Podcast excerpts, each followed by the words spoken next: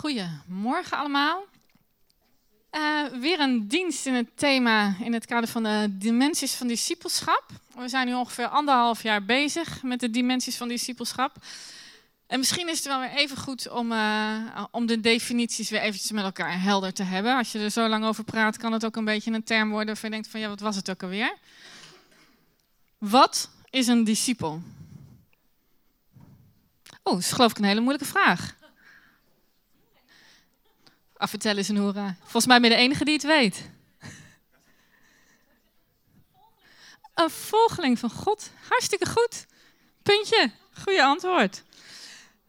En wat is het doel van discipelschap? Wandelen met Jezus. Zijn er nog andere woorden die we eraan kunnen geven? Uitbreiding van het koninkrijk. Nog andere woorden?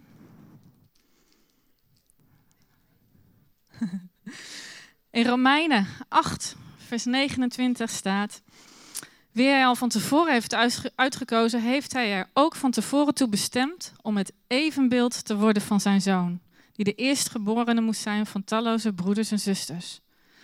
En in 2 Korinthe 3, vers 18: Wij allen die met een onbedekt gezicht de luister van de Heer aanschouwen, zullen meer en meer door de geest van de Heer naar de luister van dat beeld, Jezus, worden veranderd.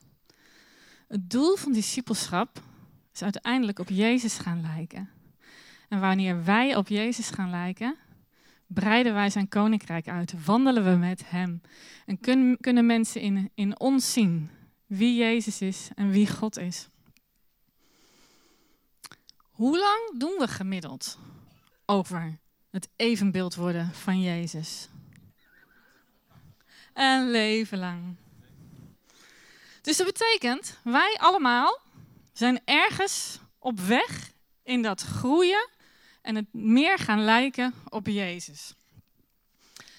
En volgens mij hebben we daar allemaal wel hulp bij nodig, toch? Ik wel. Want er zijn best momenten in mijn leven, situaties in mijn leven, waarin ik het moeilijk vind om Jezus te volgen. En er zijn ook dingen in mij die maken dat ik het best moeilijk vind om Jezus te volgen. En toch is dat wel wat ik wil. En we hebben elkaar allemaal nodig in het volgen van Jezus. En we hebben elkaar helemaal nodig als je Jezus net hebt leren kennen. En ik besef me steeds meer wat een zegen het is dat ik ben opgegroeid in een gezin dat leefde met de Bijbel, dat leefde met God. Er is in mijn hart al zo'n waarheid gelegd voordat ik zelf een persoonlijke keuze voor Jezus maakte. En dat is zo kostbaar. En als dat ook voor jou geldt, dan zegen ik dat. Dan zegen ik die goede wortels en dat goede fundament van je geloof. Maar voor een heleboel mensen is dat niet zo. En we leven echt in een post-christelijke samenleving.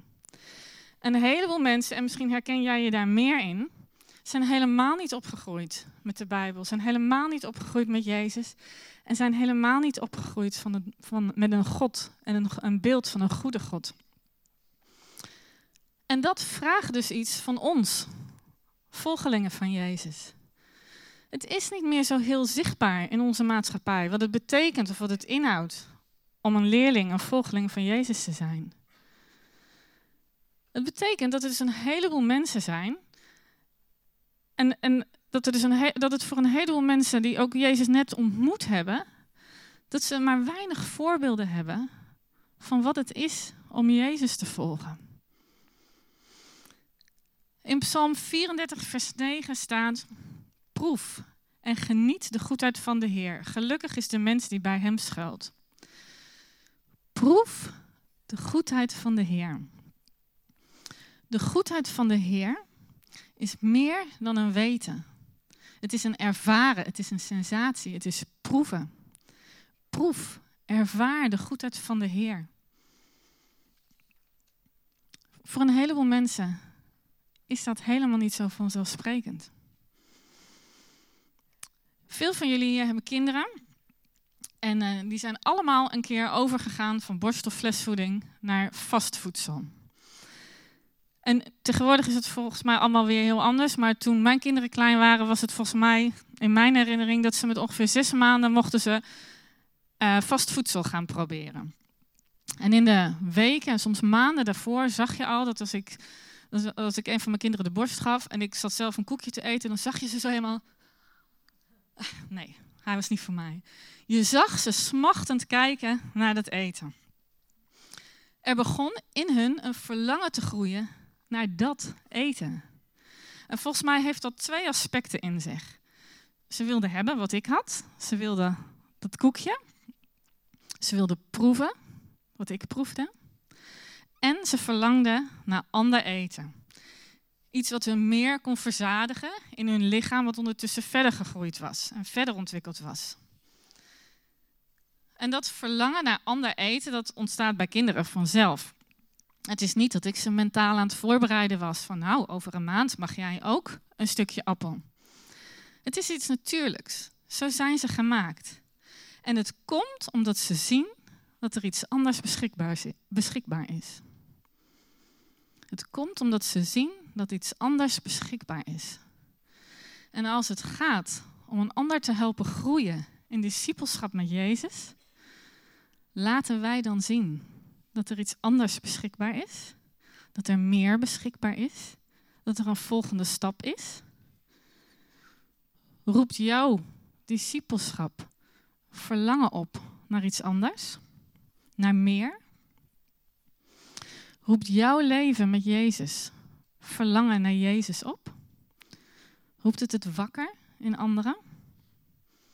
Verlangen wakkert verlangen aan. In een bloedhete zomer iemand een ijsje zien eten, doet je verlangen naar een ijsje.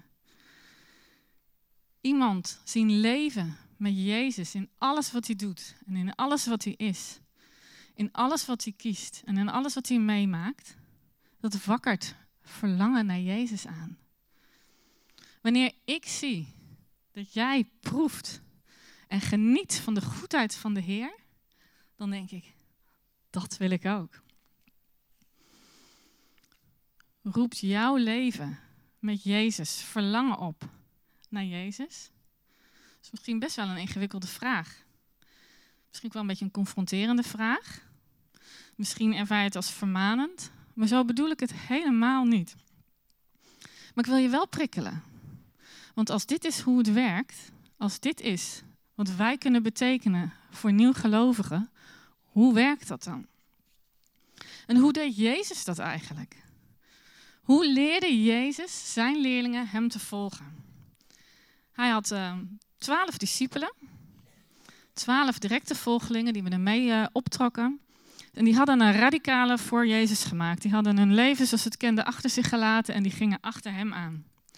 En in Marcus 3, vers 14 en 15 staat: Hij stelde twaalf van hen aan als, aan als apostel en ze moesten hem vergezellen. En hij wilde hen ook uitzenden om het goede nieuws bekend te maken. En ze kregen de macht om demonen uit te drijven. En Marcus heeft het over twaalf apostelen, Matthäus en Lucas hebben het over leerlingen, discipelen, volgelingen. En er vallen eigenlijk twee dingen op in dit stukje tekst. Hij droeg hen op om hem te vergezellen. Dus het eerste wat hij deed, was dat ze wilden dat ze tijd met hem doorbrengen. Jezus wilde dat zijn leerlingen, zijn discipelen, alles van hem meemaakten. Zijn ontmoetingen, zijn verhalen, zijn gesprekken met andere mensen, zijn maaltijden, zijn wonderen, zijn angst in Gethsemane. Alles mochten ze meemaken. Met hem optrekken en kijken en luisteren en vertrouwd raken met hem. En de discipelen die wijden zich aan hem toe. En ze leerden van hem. Gewoon door bij hem te zijn. En je leert iemand het beste kennen door tijd met hem of haar door te brengen. In leuke tijden, maar ook in moeilijke tijden. En het tweede wat opvalt in dit stukje tekst uit Marcus is dat hij ze ook meteen aan, uitdaagt om te doen wat hij doet. Ze kregen macht om demonen uit te drijven. Hij daagt ze uit om verder te gaan dan ze ooit gegaan zijn. En dat ze ooit voor mogelijk gehouden hadden. Hij daagt ze uit om samen met hem dingen te doen die ze nog nooit gedaan hadden en die hun stoutste dromen overtroffen. En hij hielp ze door hun eerste angst en door hun vrees heen. En hij moedigt ze aan. Ga maar, doe maar. En ze leerden zo ontzettend veel. En hij onderwijst ze over wie zijn vader is, over hoe het koninkrijk van zijn vader eruit ziet. En dan ontdekken ze dat God veel groter is dan ze denken. En dat hij niet in ratio te vatten is. Hij mysterieus is en overvloedig. En in dat optrekken met Jezus en tijdens dat aldoende leren, snappen ze er soms ook helemaal niks van. Ze stellen vragen, slaan soms de plank echt helemaal mis. Ze twijfelen soms aan wie hij is. Ze verloochenen hem en ze verlaten hem. Maar Jezus ziet wie ze zijn. Jezus heeft ze lief. En hij heeft zijn, hun bestemming voor ogen. En die houdt hij voor ogen. Dat laat hij niet los.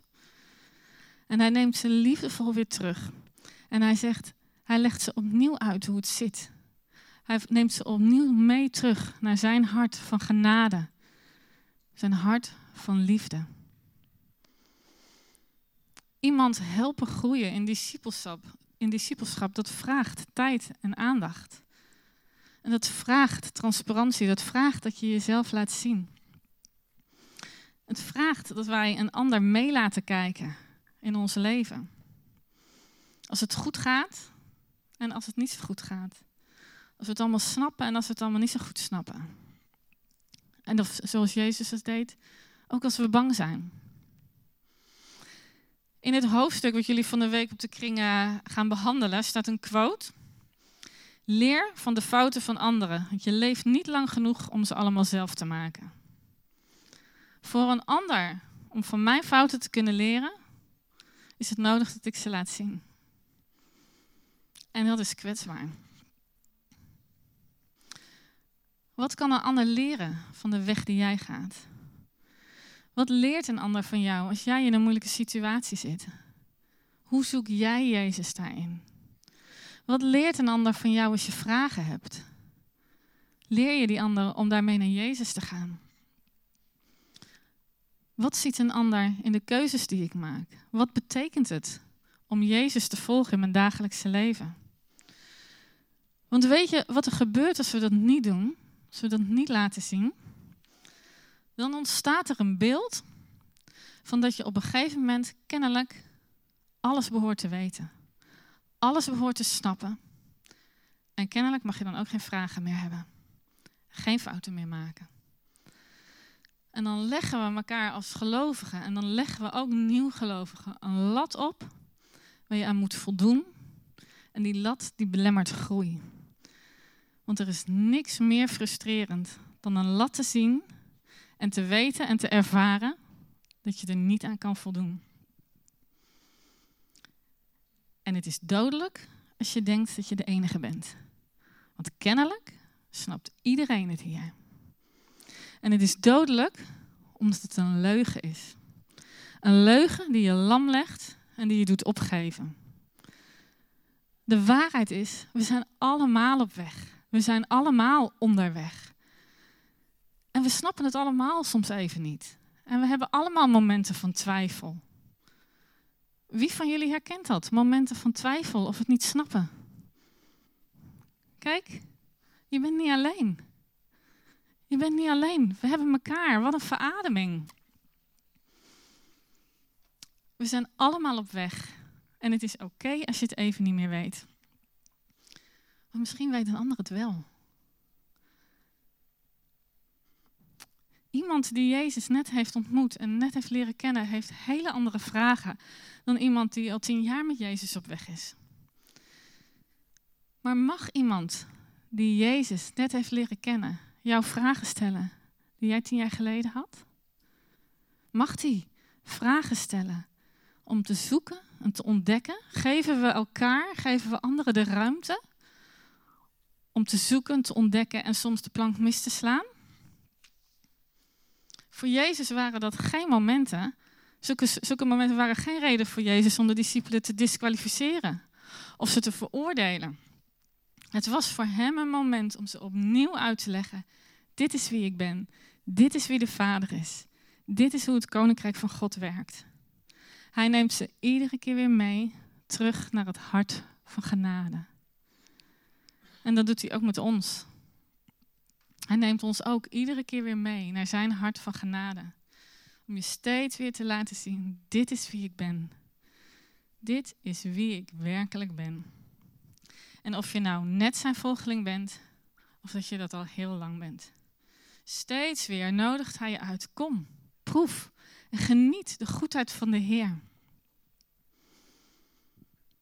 En ondanks dat we allemaal ergens onderweg zijn in het groeien, nodigt Jezus ons ook uit om te gaan en te doen.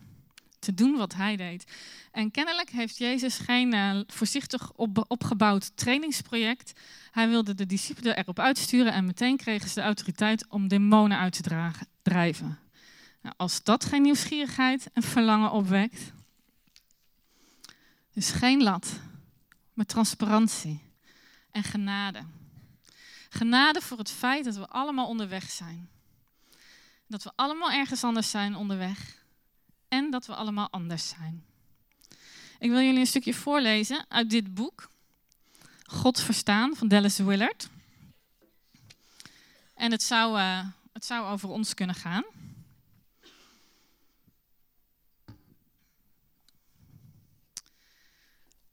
De maaltijd was die zondagmiddag beëindigd. Maar we zaten nog wat aan tafel om na te genieten van het lekkere eten en om de kerkdienst van die ochtend te overdenken. De preek van die ochtend ging, erover, ging over de plannen voor een nieuw gebouw.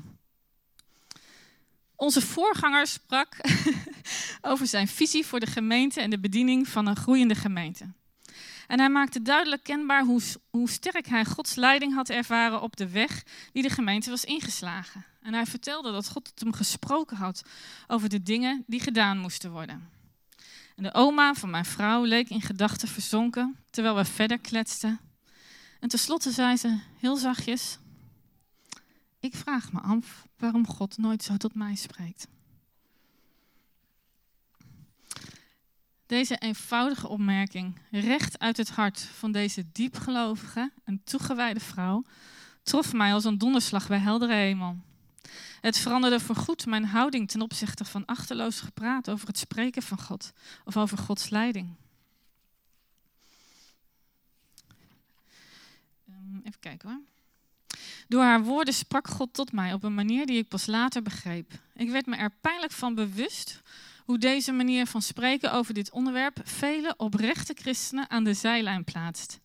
En het hoeft er niet aan ervaring te ontbreken, maar kennelijk, maar ze kennen de taal niet of kunnen hun ervaring niet goed plaatsen.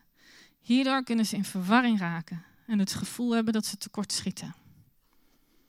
Want we wisten allemaal dat oma een zeer intensieve en persoonlijke omgang had met God.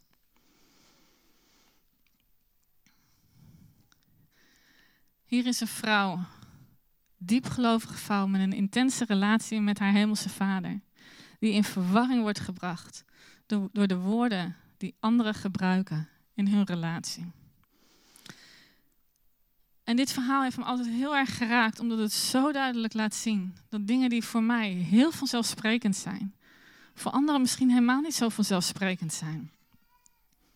Want we zijn allemaal ergens anders in onze groei en we zijn allemaal iemand anders. En God heeft met ieder van ons een persoonlijke relatie. En die is bij iedereen anders. En als je dan bedenkt dat een merendeel van de mensen niet meer is opgegroeid met de Bijbel en met God, hoe gemakkelijk kan je elkaar dan missen? Hoe kan mijn leven met Jezus verlangen opwekken bij de ander? In plaats van dat het de ander het gevoel geeft dat hij tekort schiet.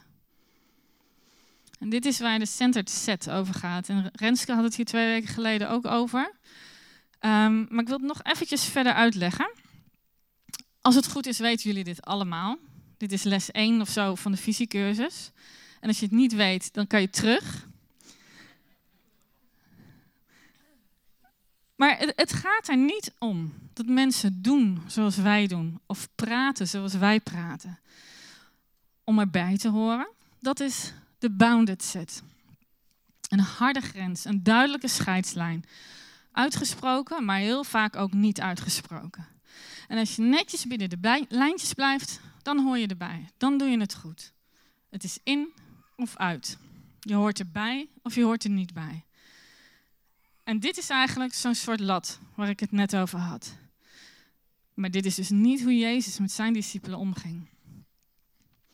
Maar het is ook niet zo dat het niet uitmaakt welke richting je opgaat.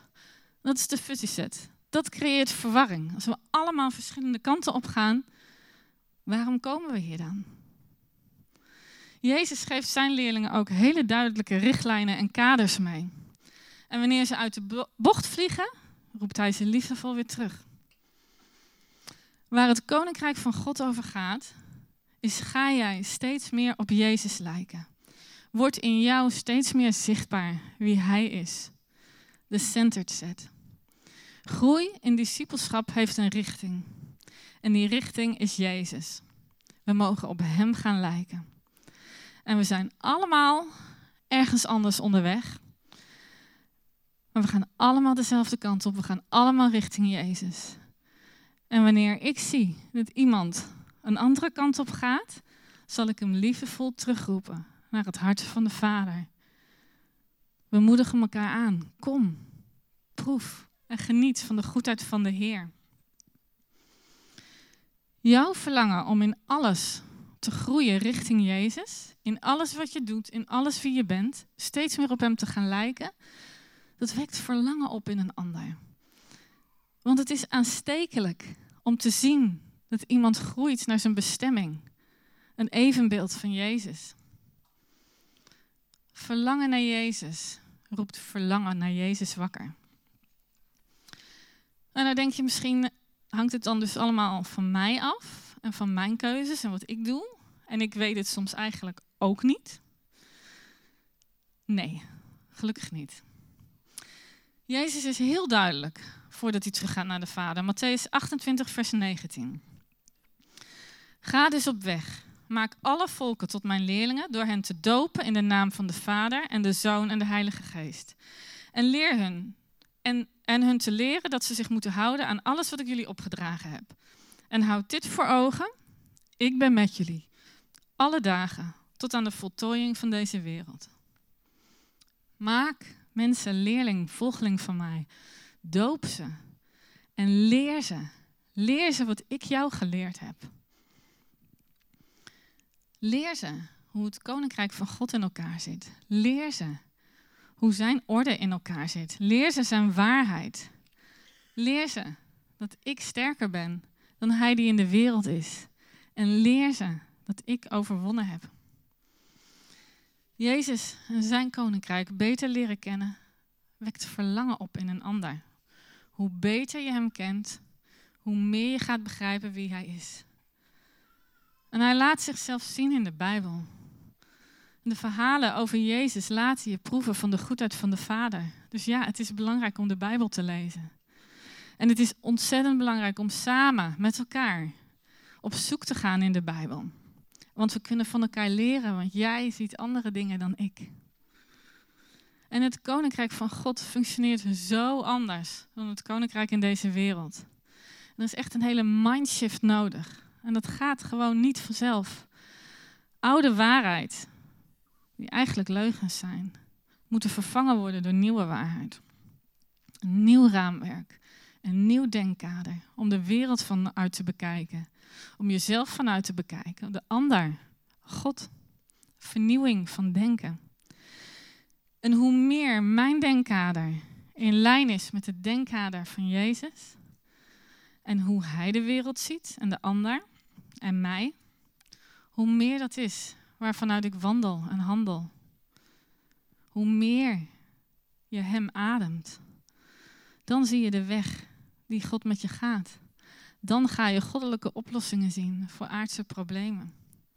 En nee, het hangt gelukkig niet alleen van jou af. Want Jezus sluit af met de woorden: Ik ben met je tot aan de voltooiing van deze wereld. Jezus zelf is met ons. Hij gaat met ons mee en hij laat ons niet alleen.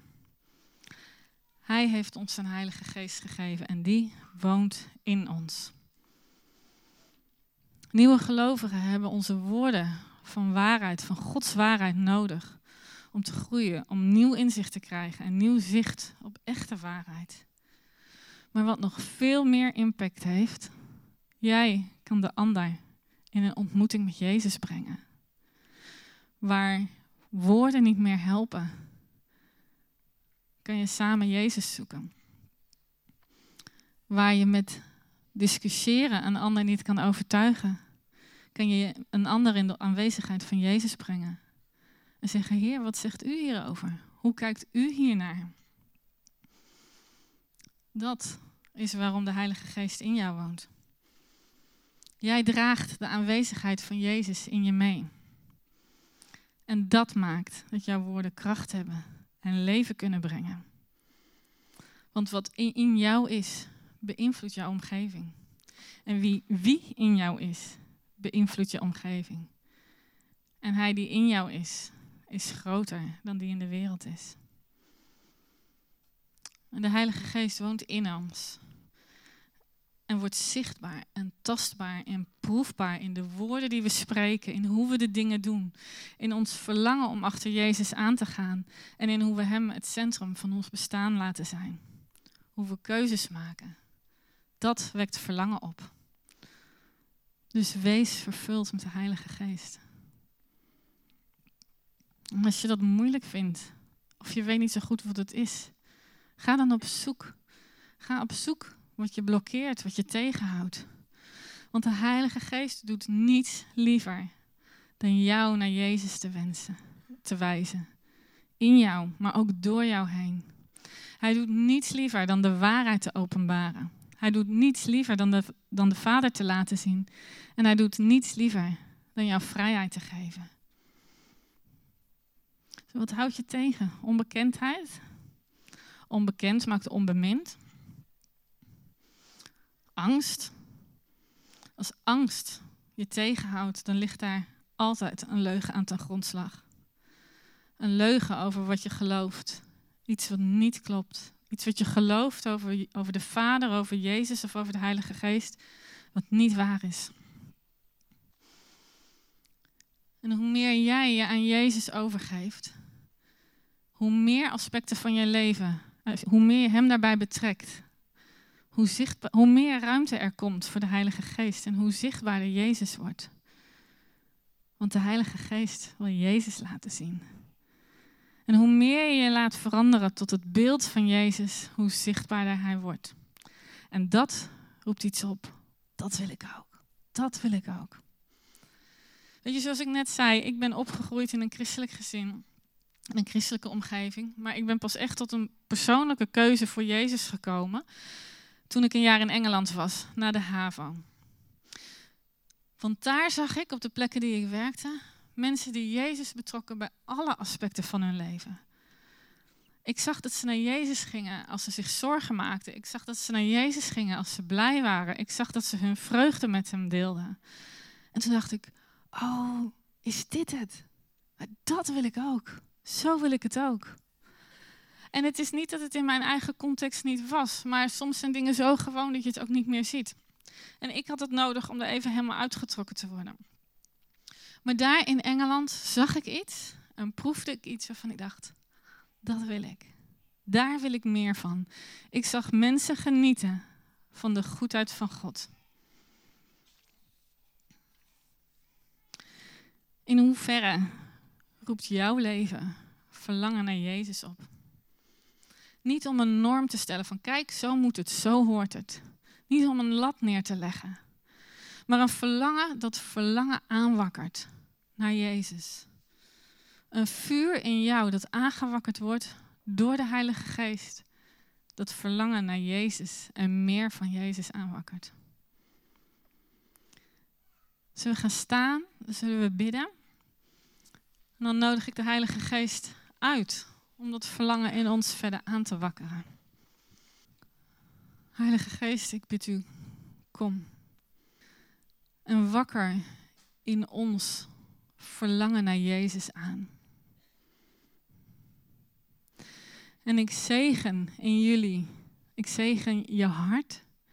En ik zegen de relatie die je hebt met Jezus. En ik bid u, Vader, vuur het aan. Wakker het vuur aan door uw Heilige Geest. Kom, Heer. Kom. Dank u wel dat u ons iedere keer weer liefdevol terugtrekt naar uw hart van genade.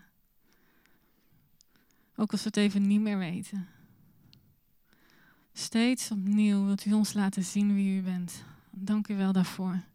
Dank u wel dat u zelf de voleinder van ons geloof bent. En Heer, hier zijn wij. Mag ons verlangen naar u, verlangen in anderen aanwakkeren.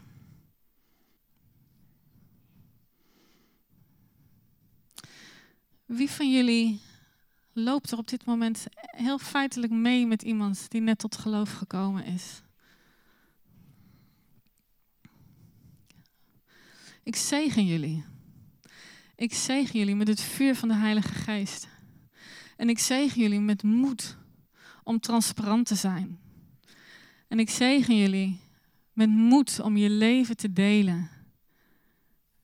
En Heilige Geest, vul deze mensen. Raak hun harten aan. Dat wat ze doen en wat ze zeggen overstromen van uw liefde. Wie van jullie heeft ervaren dat hij aan een lat of aan een norm moest voldoen? Iemand anders moest zijn om erbij te mogen horen? Zijn er nog meer mensen? En ik breek in Jezus' naam die lat. En ik spreek vrijheid over jullie uit. Je mag zijn wie je bent. En God, de Vader en Jezus ze nodigen je uit om dichtbij te komen. Zodat Hij je kan vertellen wie je bent en wie je mag zijn en wie Hij is. En ik zegen je relatie met Jezus. Ik zegen dat je Hem zal zien en zal horen en dat je van Hem mag leren. En dat Hij je geeft de autoriteit om de dingen te doen die Hij ook deed. Dank u wel, Vader, voor wat u aan het doen bent. En dat zegen ik en ik bid u om door te gaan. Ik bid u om meer.